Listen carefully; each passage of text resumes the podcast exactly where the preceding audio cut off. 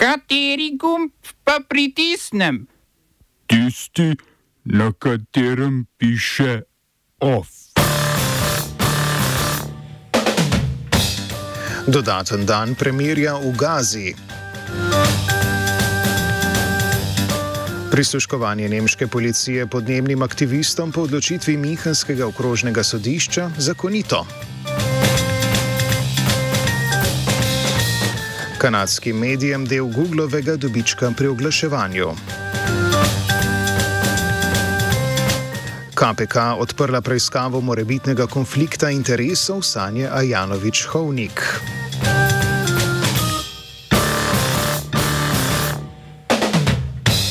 Jo! Izrael in palestinski Hamas sta prekinitev ognja na območju Gaze podaljšala za dodaten dan.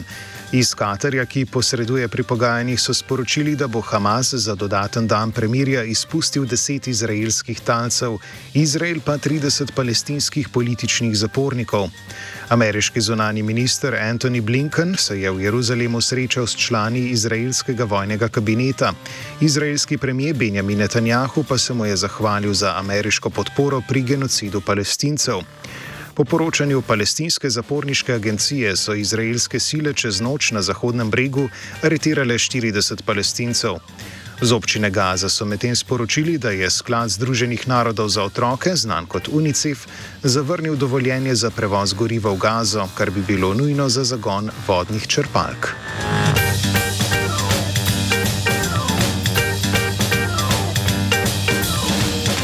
Dobra vest prihaja vsaj iz Združenih držav Amerike. Umrl je namreč Henry Kissinger. V času svoje dolge kariere je med drugim sodeloval pri državnem udaru v Čilu leta 1973, s katerim so američani odstranili Salvadorja Allendeja, bombardiranju Kambodže in Laosa med vietnamsko vojno v letih 1969 in 1970, ter zakrivanju genocidov v vzhodnem Timorju in vzhodnem Pakistanu oziroma današnjem Bangladešu. Za svoja nadvse plemenita dejanja je vojni zločinec prejel tudi Nobelovo nagrado za mir.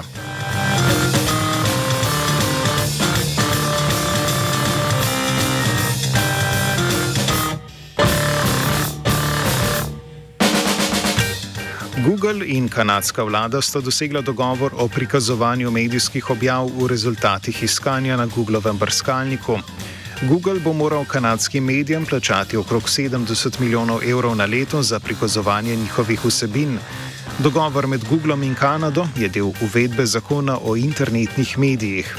Ta je odgovor na zahteve medijev, da vlada spletnim velikanom onemogoči izrivanje medijev z oglaševalskega trga. Google je pred dogovorom grozil, da bo ukinil prikazovanje novic med rezultati iskanja, saj naj bi zakon nam nalagal neomejeno odgovornost, česar v Evropi in Avstraliji ni. Meta, eno izmed podjetij, za katerega zakon velja, je v Kanadi že onemogočila deljenje novic na Facebooku in Instagramu. Meta se je na podoben zakon z leta 2021 v Avstraliji odzvala z blokiranjem, blokiranjem novic na Facebooku, a je kasneje dosegla dogovor z državo in odločitev razveljavila. Google v Nemčiji medijem plačuje delež prihodka od oglaševanja v višini 3 milijonov evrov letno.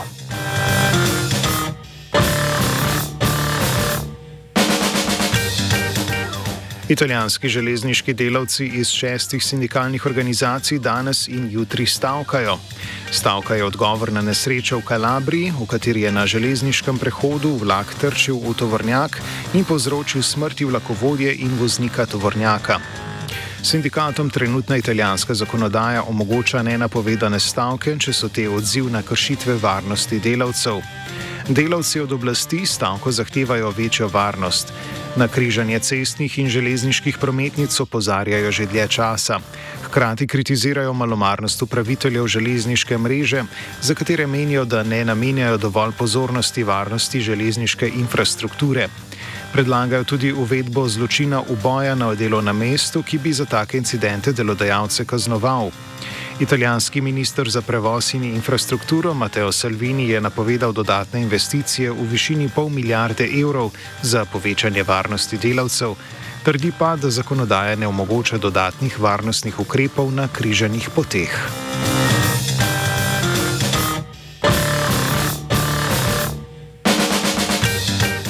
Okrožno sodišče v Minhnu je razsodilo, da je bilo prisluškovanje aktivistom okoljevarstvene organizacije Zadnja generacija in novinarjem zakonito.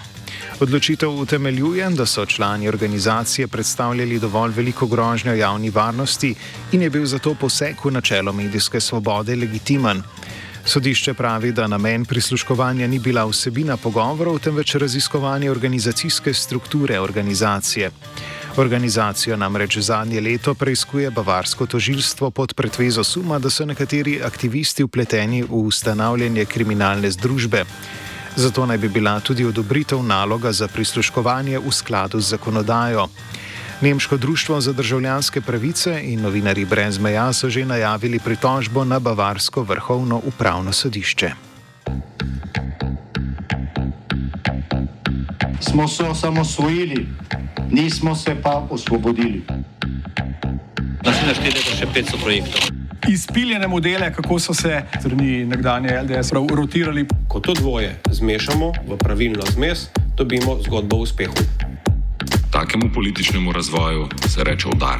Jaz to vem, da je nezakonito, ampak kaj nam pa ostane? Brutalni obračun s politično korupcijo.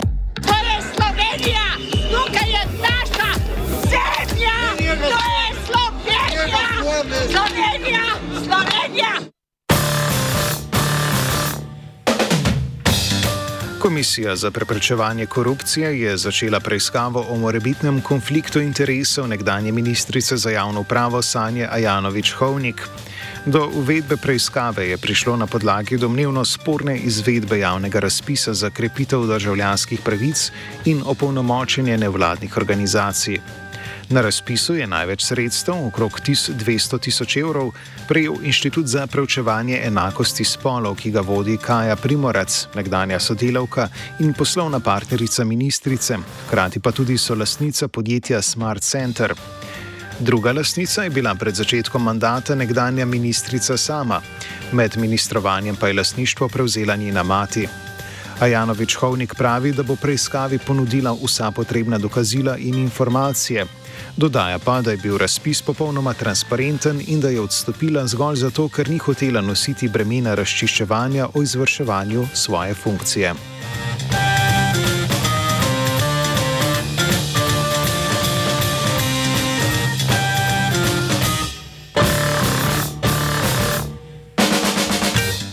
Predsednik vlade Robert Golop je vodjem koalicijskih poslanskih skupin predstavil kandidate za prevzem ministrstv za javno upravo, kmetijstvo ter naravne vire in prostor. Vsi kandidati pripadajo kvoti Gibanja Svoboda. Po neuradnih informacijah televizije Slovenija in portala NN naj bi ministrstvo za javno upravo prevzel Franz Props, poslanec Svobode in nekdani direktor upravne enote Litija. Na časopisu Večer so, že, so še včeraj trdili, da jim je več virov blizu vlade potrdilo, da je resen kandidat za ministra za javno pravo Boštjan Koritnik. Trenutno je Koritnik nepoklicni podžupan na Ljubljanski mestni občini, minister pa je bil v času tretje vlade Jane Zajanše. A danes je vodja poslanske skupine Levica Matej Tašner Vatovec dejal. Mislim, da je gospod Koritnik uh, z nekaterimi dejanji iz preteklosti verjetno. Uh, mogoče uh, vrgel nekoliko sence dvoma v to, uh, predvsem v, v, v svoje delovanje v času uh, takratne Janševe vlade. Ne pravim, da bi bil absolutno neprimeren tudi strokovno za, za to pozicijo, ampak kot rečeno, odločitev je bila uh, predsednikova. Jaz mislim, da, bo, uh, da je v tem, v tem trenutku ključno, da se izpelje uh, pogajanja s sindikati za plačno reformo in mislim, da je to uh, tudi mogoče. Uh, dobro, da nimamo ministra, ki bi imel uh, kakšno koli senco dvoma ali pa kanček nezaupanja z uh, strani celotne javnosti v njegovo delo. Gospodarski minister Matjaš Han iz socialdemokratov ni imel takih pomislekov. Kdo sem jaz, da bi sodel ljudi? Če so bili v prejšnji vladi, ne pomeni, da so slabi ljudje. Ministrstvo za kmetijstvo bo po neuradnih informacijah medijev prevzel Vojko Adamič, neuspešni županski kandidat v Ivančni Gorici na lanskih lokalnih volitvah in upokojeni major slovenske vojske. Ministrstvo za naravne vire in prostor bo po neuradnih informacijah prevzel eden od dveh kandidatov. Prvi je Jure Leben, ki je ministrstvo že vodil v času vlade Marjana Šarca in je odstopil zaradi preplačene makete za drugi ter. Drugi kandidat je trenutni državni sekretar na Ministrstvu za naravne vire in prostor Jože Novak, sicer inženir krajinske arhitekture.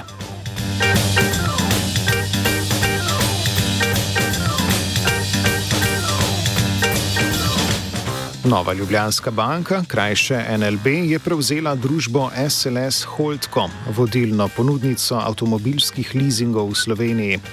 Matično družbo Summit Leasing Slovenija, krajše SLS in njene hčerinske družbe, je banka kupila od ameriškega sklada Apollo in Evropske banke za obnovo in razvoj. Kupnina znaša nekaj čez 100 milijonov evrov. SLS je bil del skupine nove kreditne banke Maribor, na to pa sta jo Apollo in Evropska banka prodala mađarski banki OTP.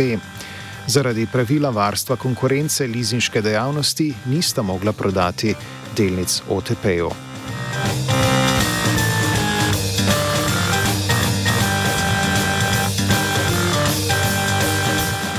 Sodni svet je prijel predlog Ministrstva za pravosodje, ki predvideva uvedbo dodatka za upravljanje sodniške funkcije v višini skoraj 578 evrov. Predlog spremembe zakona o sodniški službi izvira iz junijske odločbe ustavnega sodišča, ki je ureditev sodniških plač spoznala za neustavno. Plače sodnikov namreč niso primerljive z javnimi funkcionarji drugih dveh vej oblasti, to pa po odločitvi sodišča krši načeli delitve oblasti in materialne neodvisnosti sodnikov. Sodni svet upozarja, da predlagana novela zakona ugotovljenih plačnih nesorazmeri ne odpravlja dokončno. Državni zbor ima za odpravo neustavnosti čas do novega leta.